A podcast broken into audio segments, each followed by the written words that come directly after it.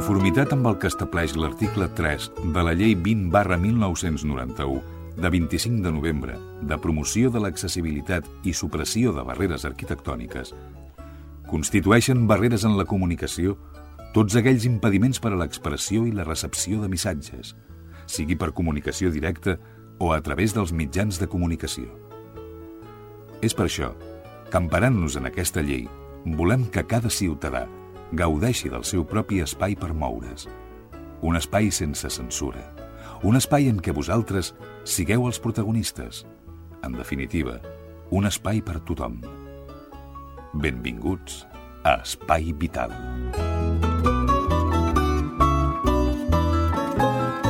Senyores, senyors, què tal, com estan? Com sempre els dic, benvinguts una setmana més a un espai més que s'anomena Espai Vital.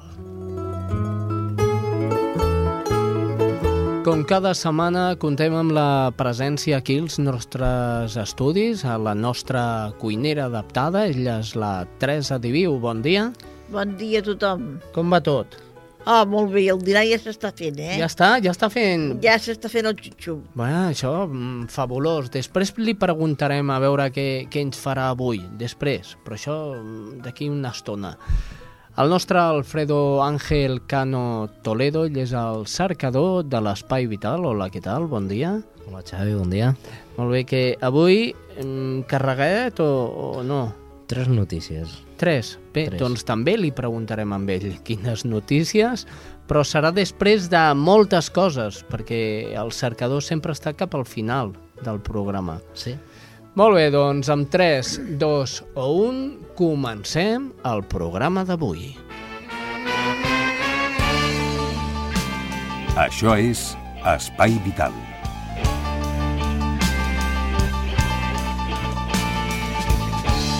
Molt bé, i a Espai Vital estem molt contents també perquè recuperem després de totes les vacances que hi han hagut de Nadal i, i, i dels Reis i de tot el que hi ha hagut, recuperem la col·laboració de l'associació Adimir, Associació de Discapacitats de Montcada i Reixac. Ja sabeu que cada mes, aproximadament, la coordinadora de l'espai Adimir ens fa un petit espai dintre del programa Espai Vital. Doncs aquest espai ja el tenim aquí i el volem escoltar, escoltem-lo, escoltem-lo.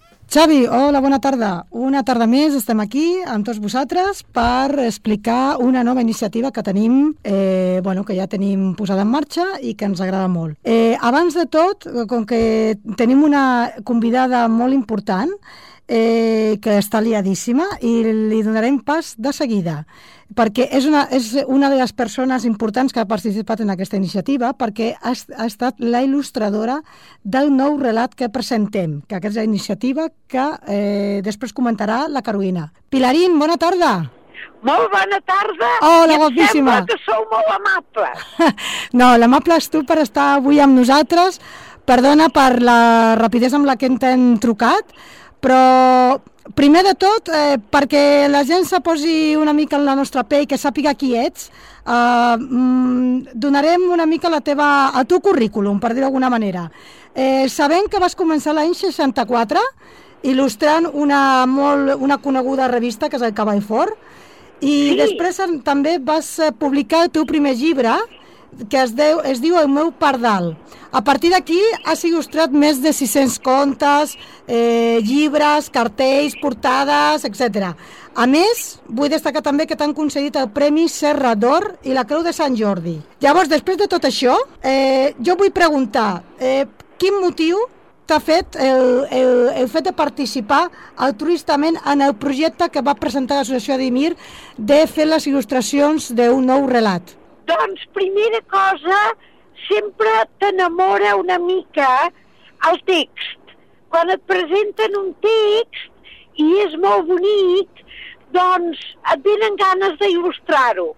I a més a més, l'entitat que ho volia, les persones que ho portaven, el fi per al que es feia, em va semblar sumament interessant i m'hi vaig animar ràpidament, no em va costar gens. La veritat és que ha quedat preciós, eh? eh I ha tingut molt d'èxit, també ho volem dir. Eh, te sents satisfeta com a artista i com persona del resultat? Uh, no sé si t'he entès molt bé, però em deies que com a artista si m'havia semblat interessant. Sí, si, si, si t'has Sí. quedat satisfeta amb el resultat com a artista i com persona, perquè sabem, i a més eh, ho vam veure en directe perquè van compartir amb tu un acte preciós de presentació d'aquest relat, vam veure que com a persona, jo no sé si és més gran, com a artista o com a persona. Sí, les dues coses. Uh, la veritat és que l'ideal de qualsevol feina és que la feina li vegis un sentit, li vegis un interès. Si és una feina, jo que sé, per dir qualsevol tonteria, sempre la fas perquè és la teva feina, s'ha de fer, i a vegades el resultat artístic no és dolent.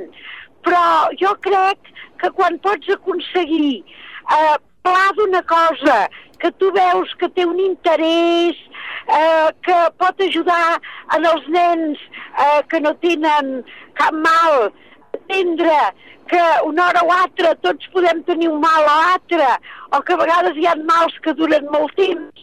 Em sembla un tema de tant interès i que els serà tan pràctic en aquests nens a la vida que mm, llavors po- potser això t'ajuda a aconseguir millor resultat. Espero, tinc aquesta esperança. Doncs la veritat és que has posat el cor en aquests dibuixos perquè estan força, força, força bé. La veritat és que són maquíssims. Eh, T'ha proporcionat eh, eh, el fet de fer aquests dibuixos del, del tema que es tracta, perquè eh, recordem, i aquelles persones que no saben encara no han llegit el relat, que és un relat que està protagonitzat per un nen amb discapacitat, que és el Luis Pablo, i que dona una lliçó de vida a un nen que no té cap discapacitat, que és l'Àngel. Eh, T'ha portat alguna, alguna reflexió? T'ha fet pensar? I, jo, i, m'ha semblat entendre que, que deies que el nen que no té cap di- discapacitat Sí. com eh, eh, es dona compte de que en el món doncs, hi ha persones que, que en un moment donat els hi falla una cosa, els hi falla una altra, no? Però a tu t'ha fet arribar alguna reflexió? A tu mateixa? Ara passo pel Vallès que té una cobertura dels dimonis.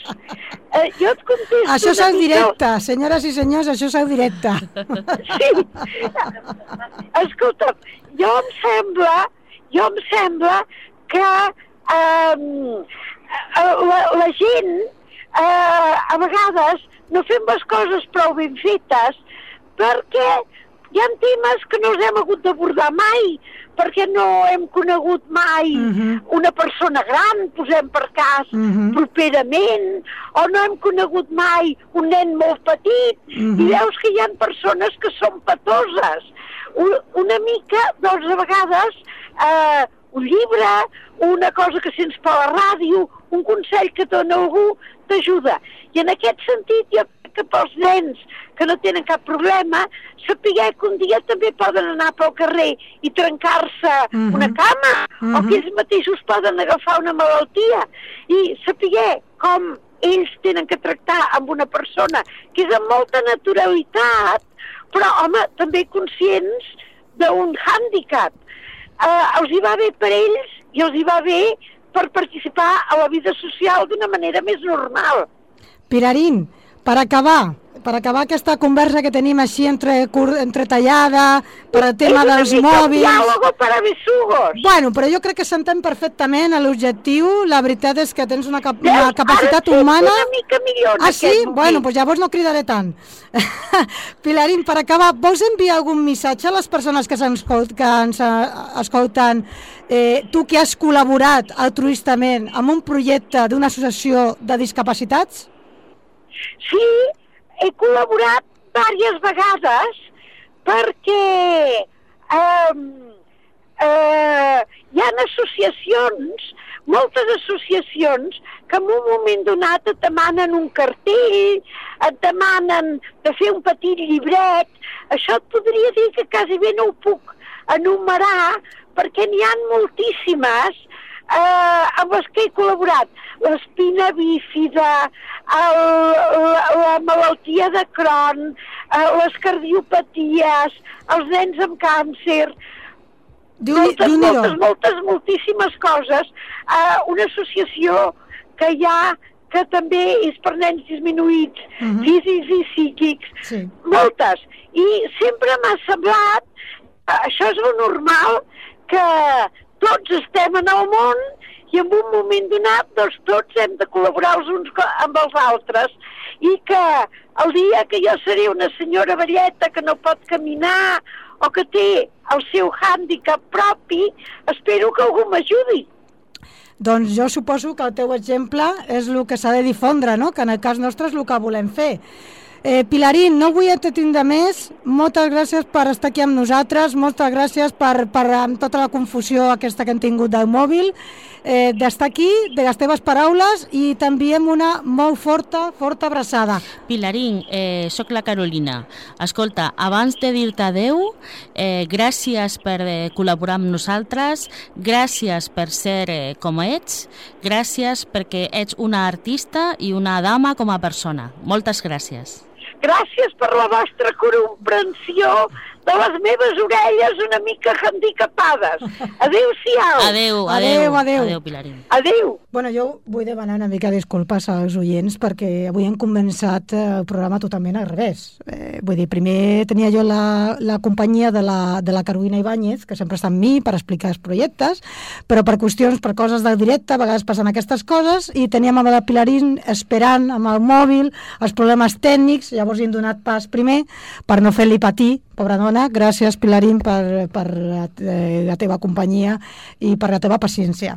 I ara sí que passem després de la intervenció de Pilarín molt breument, eh, a mi m'agradaria que ens expliquessis eh, aquesta nova iniciativa, aquest nou relat, que ja han dit que és un relat nou, que presenta l'associació Adimir, que és la descoberta de l'Àngel, i Carolina, Eh, Anna, aquest relat nou que presentem aquest curs eh, és la continuació d'altres relats que ja vam publicar l'any passat i que vam repartir a les escoles. La nostra intenció és continuar treballant el tema de la diversitat, de la integració, de la inclusió, de la normalització a dintre de les escoles, que es pugui treballar aquest tema igual que es treballa el reciclatge, eh, eh, la sostenibilitat, etc. No? Llavors, hem, hem fet un, un relat, un relat mm, que ens ha quedat molt maco perquè la Pilarín Bagés ens l'ha il·lustrat i ho ha fet amb tot el seu cor i, i, i molt bé, però a més a més ens ha sortit un relat molt maco perquè té un, un, un missatge molt important. El missatge és el següent. Una persona amb discapacitat aporta una riquesa al seu voltant tal que és, és capaç de donar una, ver, eh, una veritable lliçó de vida a una altra persona que, que estigui al seu costat i que només tingui la voluntat d'apropar-se amb ell, d'escoltar-lo, etc. Hem parlat d'un personatge eh, del Luis Pablo. En realitat, el Luis Pablo representa a qualsevol nen amb discapacitat de la nostra associació i a qualsevol persona. No? Per altra banda, hi ha el personatge de l'Àngel, que és un, representa a, a, bueno, a totes les persones que viuen la seva vida eh, bueno, paral·lelament i de forma aliena al món de la discapacitat. No? I, I hem volgut posar eh, també, eh, també a, a, al relat eh, un- una persona com a Glenda que representaria a tots els germans i la gent que està a prop de les persones amb discapacitat, les seves famílies, i que ja normalitzen, que ja els veuen d'una manera totalment eh, inte, integradora. No? I llavors hem, hem volgut eh, veure que un personatge amb discapacitat intel·lectual, en aquest cas, és capaç de donar-li una lliçó a una persona sense discapacitat, però no amb grans arguments, ni amb grans frases, ni amb grans fets. Només mostrar-li com és ell, com és la seva personalitat i la seva senzillesa. Eh, Carolina, llavors podríem dir que el que volem aconseguir des de l'associació Adimir és normalitzar Uh -huh. la situació de les persones amb discapacitat, Sí, que és sí, sempre sí. el nostre objectiu. Volem normalitzar en l'àmbit en tots els àmbits, en l'àmbit escolar, en l'àmbit social i en l'àmbit laboral. És a dir, volem una normalització de la vida de, de totes les persones, tinguin o no discapacitat. Eh, vull recordar que també fa un temps, bueno, fa mm, poques setmanes enrere, vam fer un acte de presentació d'aquest eh, d'aquest, eh, conte. Va tenir una repercussió important, no? Ui, tant, va, vam, vam, fer, vam fer gairebé un ple a, a, allà a A l'auditori. van vindre moltíssimes persones i vam fer un acte molt maco, molt maco, nens vam, vam narrar trossets del relat, també va vindre la Pilar Invagés i li vam, li vam fer un homenatge també amb ella i, i bueno, el que preteníem amb aquesta presentació és que Montcada eh, es, es vagi acostumant a que l'associació Adimir de tant en tant sortirà a la palestra, sortirà amb els seus projectes i sortirà per donar de si tot el que pugui per fer una millor Montcada, una, una Montcada més integradora i una Montcada que en el futur sigui una referència per eh, el comportament humà de les persones.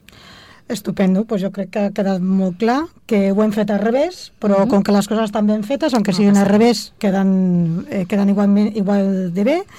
I per acomiadar el programa d'avui, a mi m'agradaria la persona que es vulgui posar en contacte amb Adimir, Mm -hmm.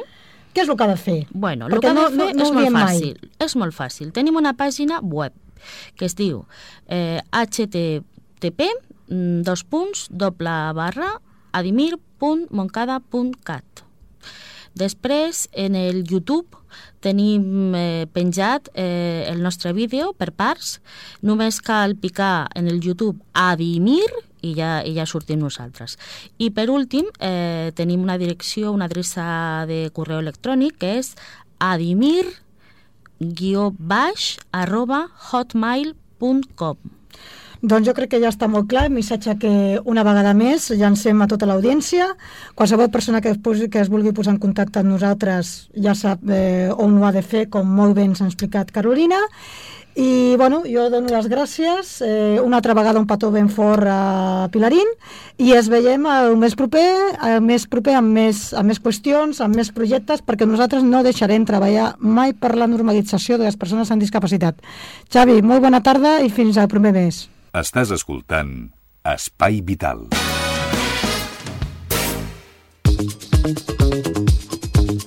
Sintonia corresponsals, anem a fer una volta, fem, fem un tom pel Vallès Occidental dintre de les emissores que participen al programa Espai Vital. Comencem, com sempre, amb Cerdanyola. Allà es troba la nostra companya Rosa Morante, que ens diu mm, pues això mateix, aquesta és la crònica. Molt bon dia, Xavi. Avui des de Cerdanyola Ràdio us expliquem que 18 nedadors d'Espadi participaven al 21è Campionat de Catalunya celebrat a les piscines Can Llong de Sabadell. D'entre els 350 participants, els cerdanyolencs van aconseguir un total de 17 medalles, 5 d'elles d'or, 4 de plata i 8 de bronze. Espadi va tornar a repetir èxits en un nou campionat de Catalunya. Aquests nedadors cerdanyolencs van assolir un total de 17 medalles en la prova celebrada el passat cap de setmana a Sabadell.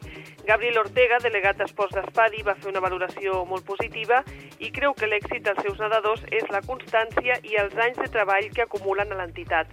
Els participants locals en el Campionat de Catalunya van ser Patricia Ortega, Llurena Jiménez, Isabel Bertolín, Ángeles Sierra, Carlos Carrión, Santiago Alonso, Rubén José, Juan Carlos Guillén, Ernesto Jayo, Sabín Navarro, Ana Cobo, Gemma Tiana, Jesús Mengíbar, Isabel Perz, Javier Moreno, Francisco Muñoz, Juan José Doña i Anna Sánchez.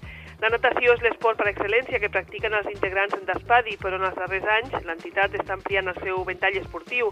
Gabriel Ortega explica que es va iniciar la pràctica del tenis taula ara fa dos anys i tot i que de moment només eh, tenen 5, particip- 5 practicants, esperen que els nois i les noies s'animin més. L'associació també ha apostat pel bàsquet amb la col·laboració del Club Bàsquet Sant Gabriel de Ripollet i Ortega explica que s'ha retardat els entrenaments per les obres que s'estan realitzant a les instal·lacions del club, però que espera que a final de mes comencin a entrenar amb un equip. El delegat d'Esports avança que si tot va bé, Espadi espera poder acabar formant un equip. I de moment això és tot, eh, Xavi, fins la setmana que ve, que vagi molt bé. Molt bé, gràcies, Rosa Morante. Anem a Ripollet. Allà es troba la Franzina Ricard. Bona tarda, Xavi. La primera setmana de febrer està previst que comencin les obres del CAP 3. Aquest nou equipament, amb un cost de construcció d'uns 3 milions d'euros avançats per l'Ajuntament, tindrà una superfície de 1.376 metres quadrats. Disposarà de 10 sales de consulta de Medicina General, 4 de Pediatria, una sala d'odontologia i una de consulta de treball d'odontologia, 4 sales polivalents i una de consulta de serveis socials, una àrea d'atenció continuada i una altra d'educació sanitària. Esperem que estigui acabat el més ràpid possible. I això és tot des de Ripollet. Bona tarda. Bona tarda, Franzina. Marxem cap a Barberà. Allà es troba avui, com de manera es- especial, eh, un nou corresponsal. Ell es diu Ernesto Hernández. Hola, Xavi, des de Barberà del Vallès. Eh, Donem una crònica. L'Ajuntament de Barberà va aprovar ahir en Junta de Govern local les bases de concessió d'ajuts econòmics per a entitats sense finalitat de lucre que promoguin a la nostra ciutat diverses actuacions. Les entitats que ho desitgin i que treballin a Barberà del Vallès per la igualtat de les dones, per l'atenció a la dependència, en la promoció de la salut, en la protecció i el benestar d'animals, en l'atenció a la població nouvinguda, per l'afavoriment de la cohesió social, per l'atenció de la gent gran, pel lliure infantil i l'atenció a la joventut, podran sol·licitar aquests ajuts quan el consistori convoqui la concessió. A més a més, també es van aprovar les despeses que puguin generar les concessions dels ajuts, així com les diverses partides pressupostàries per l'exercici 2009 on s'inclouiran. Per les entitats que promoguin activitats per la igualtat de les dones, es destinarà una dotació màxima de 3.500 euros. Per la promoció de la salut, la protecció i benestar dels animals, es dotarà un màxim de 12.700 euros. Per promoure l'atenció a la població nouvinguda, uns 3.100 euros. Per impulsar activitats a l'atenció a la gent gran, comptarà amb una dotació màxima de 3.000. Per promoure la dependència i l'afavoriment de la cohesió social, una dotació de 2.000 euros. I per fomentar i portar a terme activitats que difonguin el lleure infantil i l'atenció a la joventut, amb una dotació màxima de 21.000 euros. Això és tot, Xavi, des de Barberà del Vallès. Ens veiem, ens escoltem la setmana que ve. Molt bé, gràcies a tu, Ernesto Hernández, eh, com a nou corresponsal temporal, diria jo, de Barberà del Vallès. També, temporalment, nova corresponsal a Montcada Ràdio, Montcada Comunicació, és la Sílvia Alquézar. Hola, salutacions des de Montcada a l'Espai Vital. El malestar per la situació de l'assistència sanitària al nostre municipi està d'actualitat. Col·lectius ciutadans han posat en marxa una campanya de recollida de signatures per denunciar el que consideren deficiències en l'atenció i la dotació de serveis als dos ambulatoris que hi ha a la localitat. La Federació d'Associacions de Veïns i la Coordinadora en Defensa de la Sanitat Pública denuncien que a Montcada fan falta més metges de família i pediatres per atendre tota la població, que els centres de salut estan col·lapsats, que no funciona correctament la recepció de trucades i critiquen que les urgències, més enllà de les 8 del vespre, només s'atenguin a l'ambulatori del centre. Els col·lectius demanen la presència d'especialistes com psicòlegs i ginecòlegs, que actualment no n'hi ha cap a cap centre, o bé que s'ampliï el servei de traumatologia. La campanya de recaptació de firmes denunciant la situació sanitària es durà a terme tot el mes de febrer a les seus de totes les associacions de veïns i alguns comerços. El malestar de la ciutadania per l'estat de la sanitat ha fet a la direcció local i a l'Ajuntament replantejar-se la situació. Aquesta setmana l'alcalde César Arrizabalaga i representants del Departament de Salut s'han reunit per contrastar les demandes ciutadanes amb els recursos sanitaris de què disposa el municipi. Una de les mancances més notòries és la de pediatres, que no només passa a Montcada, sinó a d'altres municipis del voltant. L'alcalde ha posat de relleu la contradicció que es viu al municipi. Ara que hi ha diners, diu, no hi ha personal disponible. Doncs bé, això és tot per avui. Fins la setmana vinent. Gràcies, Sílvia Alquézar, i ànim, i, i seguim endavant. Aviam si aquesta col·laboració, que no sé pas si ha de ser temporal, tiri endavant i dongui els seus fruits. Sílvia, gràcies. Anem corrents cap a Santa Perpètua. Allà, com sempre, tenim a l'Estrella Núñez. Hola, Xavi. Hola, amics i amigues de l'Espai Vital. Avui des de Santa Perpètua us expliquem que l'entitat Espiral, una associació de famílies d'infants amb trastorn general del desenvolupament i espectre autista, que fa referència a tota la comarca del Vallès Occidental, du a terme un curs adreçat a persones que treballen en l'àmbit educatiu, social i de lleure interessats en el món de la discapacitat psíquica en infants i adolescents. Es tracta d'una primera edició que es du a terme a Sabadell i tot seguit s'encetarà un altre curs a Castellà del Vallès. L'objectiu del curs és dotar d'eines al màxim nombre de persones per fer possible la inclusió dels infants amb discapacitat als serveis educatius i de lleure del seu entorn. Com a segon objectiu, el curs servirà per crear una borsa de persones de suport, educadors, monitors amb una formació que faci possible l'atenció i la inclusió dels infants amb trastorn general del desenvolupament i espectre autista i altres discapacitats des dels diversos recursos comunitaris i els diferents municipis i entorns de proximitat. El curs es realitza en quatre jornades jornades, dissabtes a la tarda i diumenges al matí. El preu del curs, subvencionat per l'obra social La Caixa i amb el suport de l'Ajuntament de Sabadell, on actualment té la seva seu l'associació Espiral, és de 30 euros. El curs l'imparteix una psicòloga especialista en aquests trastorns, Carme Fernández, que és també membre de l'entitat. Les necessitats de formació i la manca de cursos han motivat que s'hagi creat una llista d'espera. Espiral ha informat que es programaran noves edicions d'aquest curs perquè l'interès de l'entitat és aconseguir dotar amb el màxim de recursos als infants infants amb discapacitats i a les seves famílies. Amb aquest objectiu, també les pràctiques d'aquest curs es realitzaran amb infants a la pròpia llar o entorns inclusius. Es faran tasques de suport i observació i, a més, seran supervisades. Des de Santa Perpètua, això és tot. Fins la setmana vinent, Xavi. Adéu.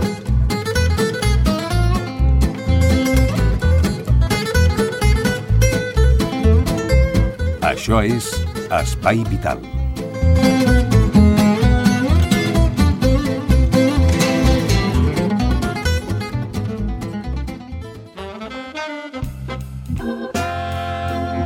Quan parlem de discapacitat i treball, és important també parlar a Montcada de l'empresa Valentine i l'empresa temporal de treball ADECO.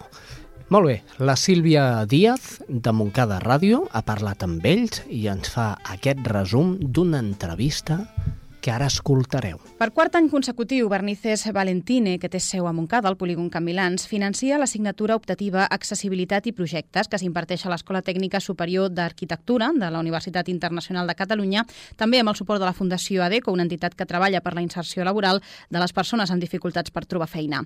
El temari d'aquesta assignatura pretén que els alumnes, que seran els futurs responsables de projectar, dissenyar i construir espais, incorporin els principis d'accessibilitat a la seva filosofia de treball, més enllà que la llei els obligui a incorporar aquests conceptes a les noves construccions. Segons els coordinadors del curs, la matèria ha permès que estudiants arquitectes, aparelladors, entre d'altres, coneguin les necessitats i els problemes de les persones amb discapacitat i també que treballin per vèncer les dificultats que aquest col·lectiu viu diàriament.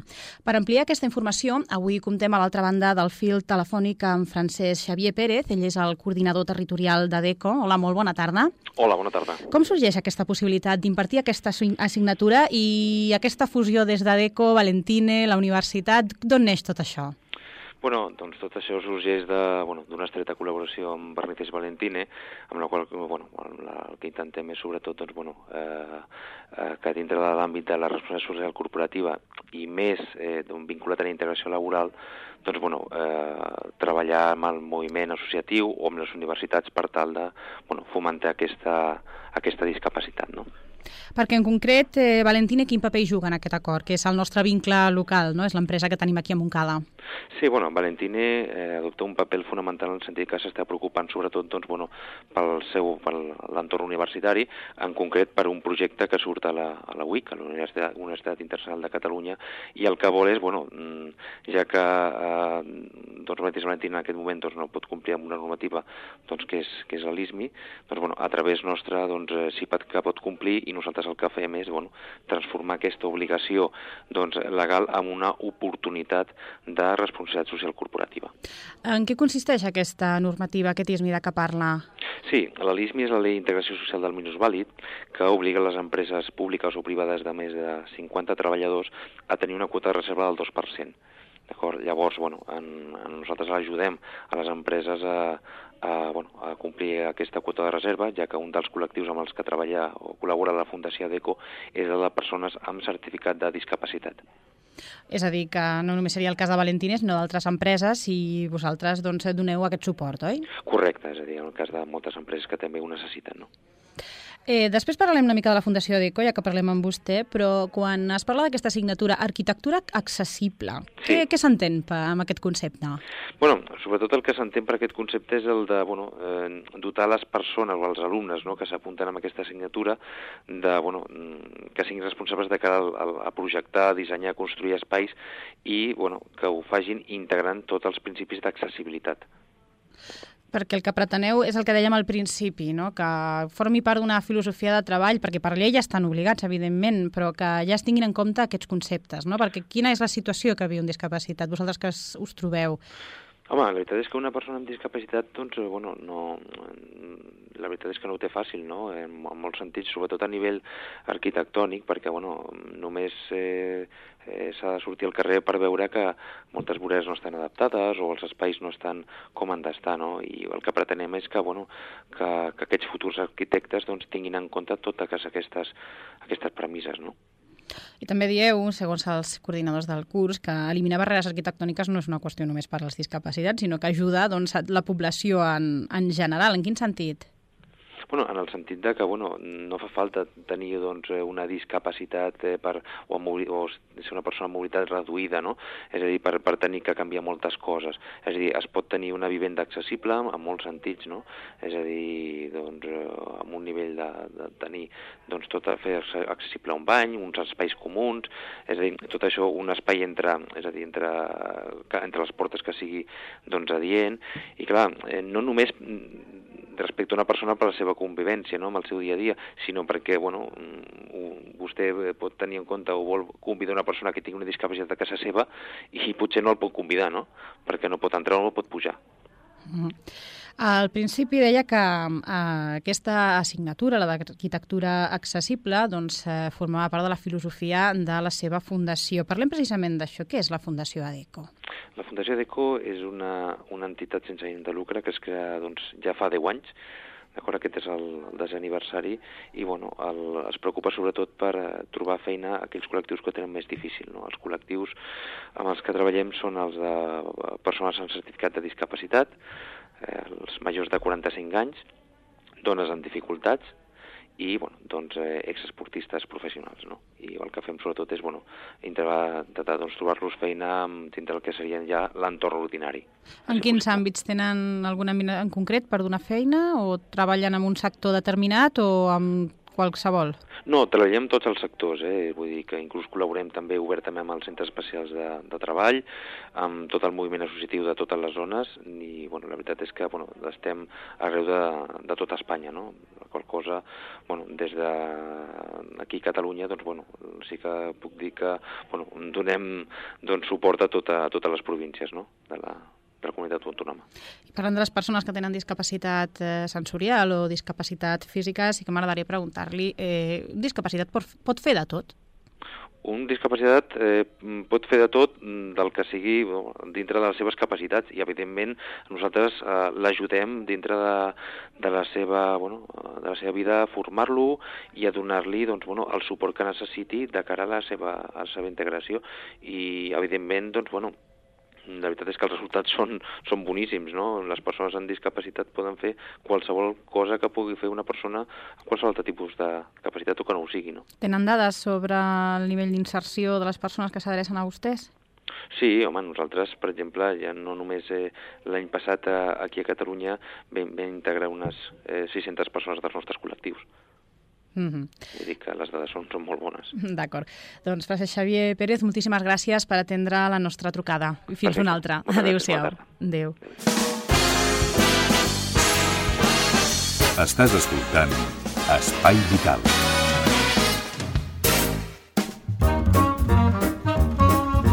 Cada cop que sento aquesta sintonia puja una flaire per aquí sobre, voltant, Esclar, voltant. perquè escolta'm, les cosetes que posarem va sentir l'olor, eh? I a més de la flaire sentim la veu de la nostra iaia adaptada, que és la Teresa Diviu, que avui ens portarà un plat exquisit, que jo ja sé el que ens portarà, però mm, crec que ens ho hauria de comentar. Què ens portes avui? Mira, per comptes d'una rosa a la cassola farem uns fideus a la cassola. Mmm, boníssim.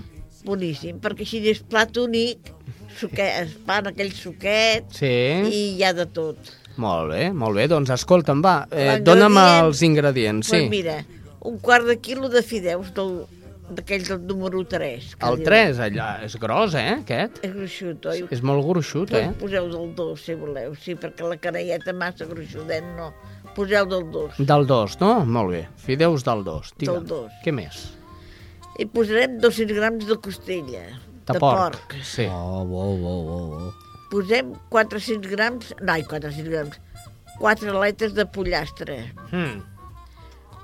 4 gambes, ni grosses ni petites, allò mitjanetes, no cal que siguin tan grosses. Recordeu que eh, aquest plat és per 4, és a dir, clar, mateix, 4 gambes. quatre. Mm, sí. I agafem també 200 grams d'almejes, Almejas.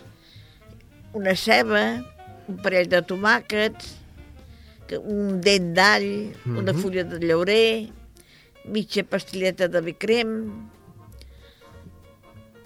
i mira, i oli, i, Ha- Has i dit sal? Ah, sal. vale, vale, sal. Sal. Sí, sí, no... Comencem a posar la, a bullir, no, posar una olla al foc amb aigua Preparació del plat. del plat. Una olla que es vagi escalfant amb aigua. Mm. Agafem la paella i posem oli. En aquell oli posem la fulla de llaurer i l'all, que es vagi sofregint una miqueta, perquè així si es posa amb l'altre es troba i a vegades alguna caranya, ai, he trobat l'all, pues, i així es troba. Quan està una miqueta enrossit ja es pot treure. Molt I bé. aquell oli té gustet de l'all. Fregiu les gambes primer. Ben fregideta, allò una mica fregidetes, les xafeu al cap que deixen el gustet més bo, Mm. quan veieu que ja està i les traieu.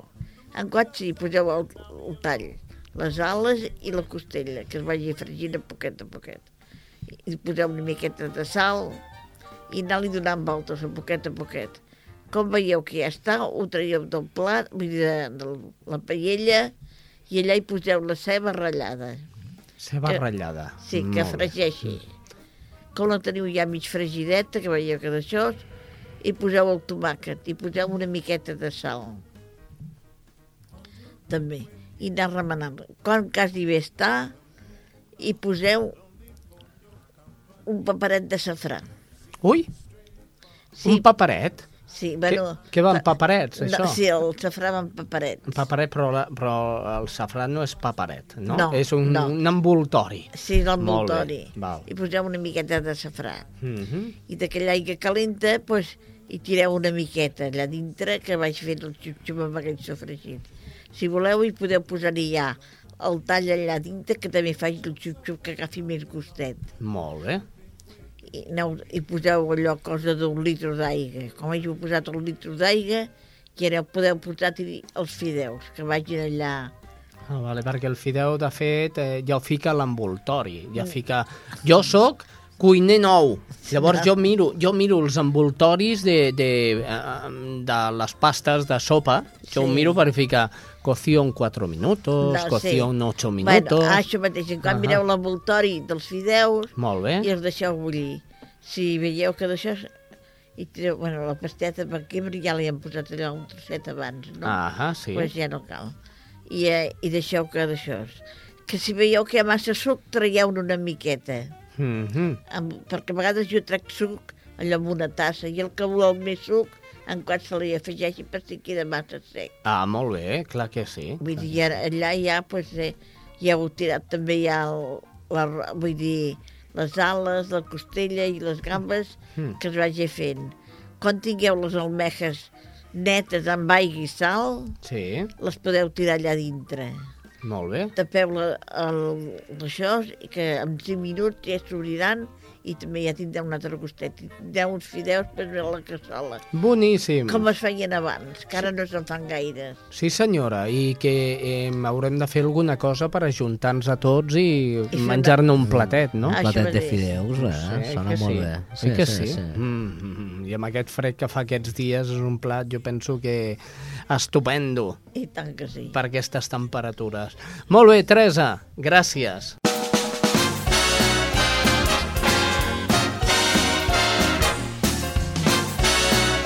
Espai Vital, el primer programa adaptat de les zones.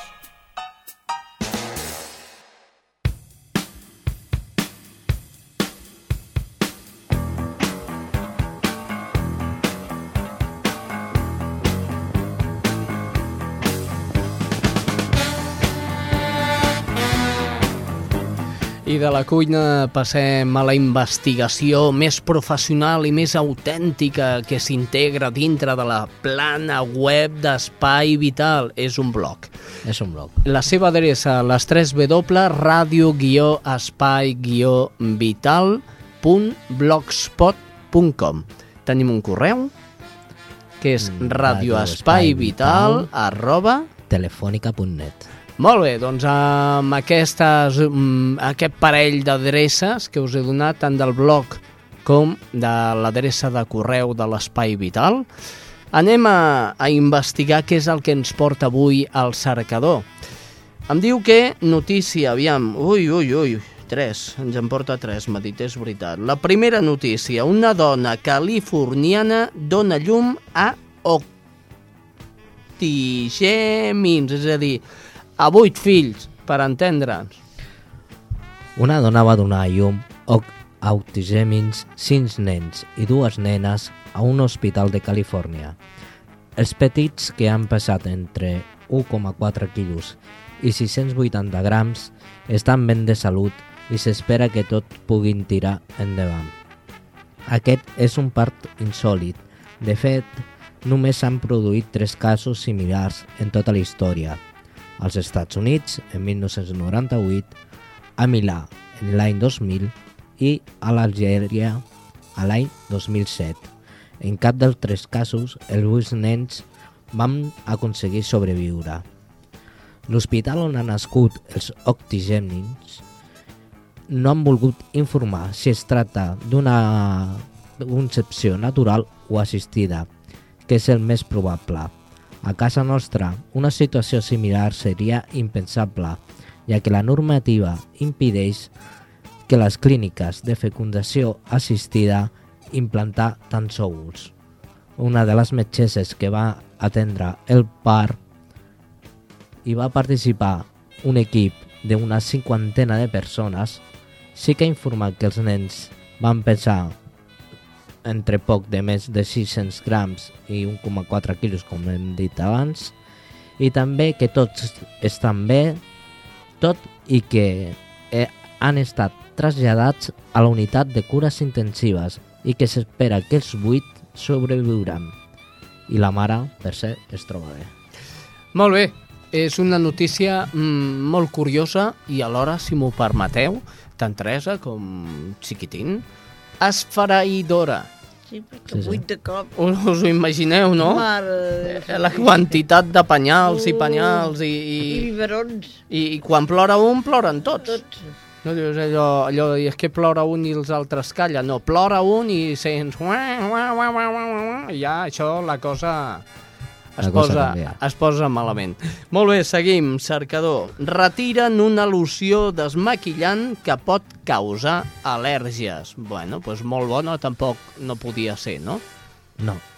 El Departament de Salut ha informat que s'han retirat del mercat diversos lots d'un producte cosmètic, en concret d'una loció desmaquillant, perquè s'han detectat alguns casos de reaccions al·lèrgiques. El producte retirat és la, lux- la loció Asiano-Clorane, que es comercialitza a l'empresa Pierre Fabre Ibèrica, en presentacions de 100 i 200 mil·lilitres. Tot i que el risc de, partir, eh, de patir una al·lèrgia és mínim, Salut recomana que no es faci servir els lots afectats i que es consulti al metge de capçalera si s'observa qualsevol irritació a la pell. Molt bé, doncs si veieu que us desmaquilleu i en vez de desmaquillar-vos el que feu és augmentar la ruborositat de la vostra cara, això vol dir que no és que estigueu Malalts. Però aquesta feina ja no la tinc jo. o que tingueu vergonya, eh? Vol dir que us heu fotut una crema que us està fent mal, eh? Molt bé, el Consell eh, Nacional de Salut ens diu que, si plau ho consulteu amb metge. No fa falta que ho digui el Consell, és que s'ha de fer. Per últim, persones amb discapacitat de màxim nivell manegen ordinadors amb els ulls a través d'un sistema d'última generació. És important, escolteu-lo. L'usuari de l'ordinador és un menor de 13 anys, amb una greu peculiari peculiaritat. Pateix un paràlisi cere cerebral i no té mobilitat en una gran part del seu cos, incloses les mans, ni pot parlar. Només té un, un escàs marges de moviment del seu cap, però per navegar en internet disposa del que més necessita, el nivell d'intel·ligència precís i una cosa imprescindible, els ulls. Amb la seva mirada pot accedir sense problemes a la computadora i manejar-la amb lleus pestanyeigs i l'iris de l'ull li servirà com un ratolí virtual. Realment increïble, eh? Ja la mirada no, no és només per lligar ara, No, eh? no, ara ja és per, per treballar. Mires un ordinador i et diu mm, eh, ¿qué carpeta quiere? Pim, pam, la derecha, izquierda, pum, pum, pum. Home, si li pots, pots posar una veu també i dir que maco que sóc i tot això.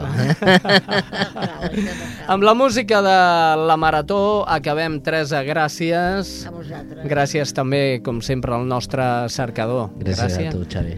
Al nostre tècnic, Jordi Puy. I a vostès, gràcies una setmana més per escoltar-nos. La setmana vinent hi tornarem a ser. Apa, adeu-siau. Al nostre món vam créixer forts, ens admirava tothom, em van educar per guanyar. Mai vaig pensar en el fracàs. He perdut tots els combats i m'han abandonat fins als meus somnis, tot i canviar de cara i nom. Un cop perds ja ningú et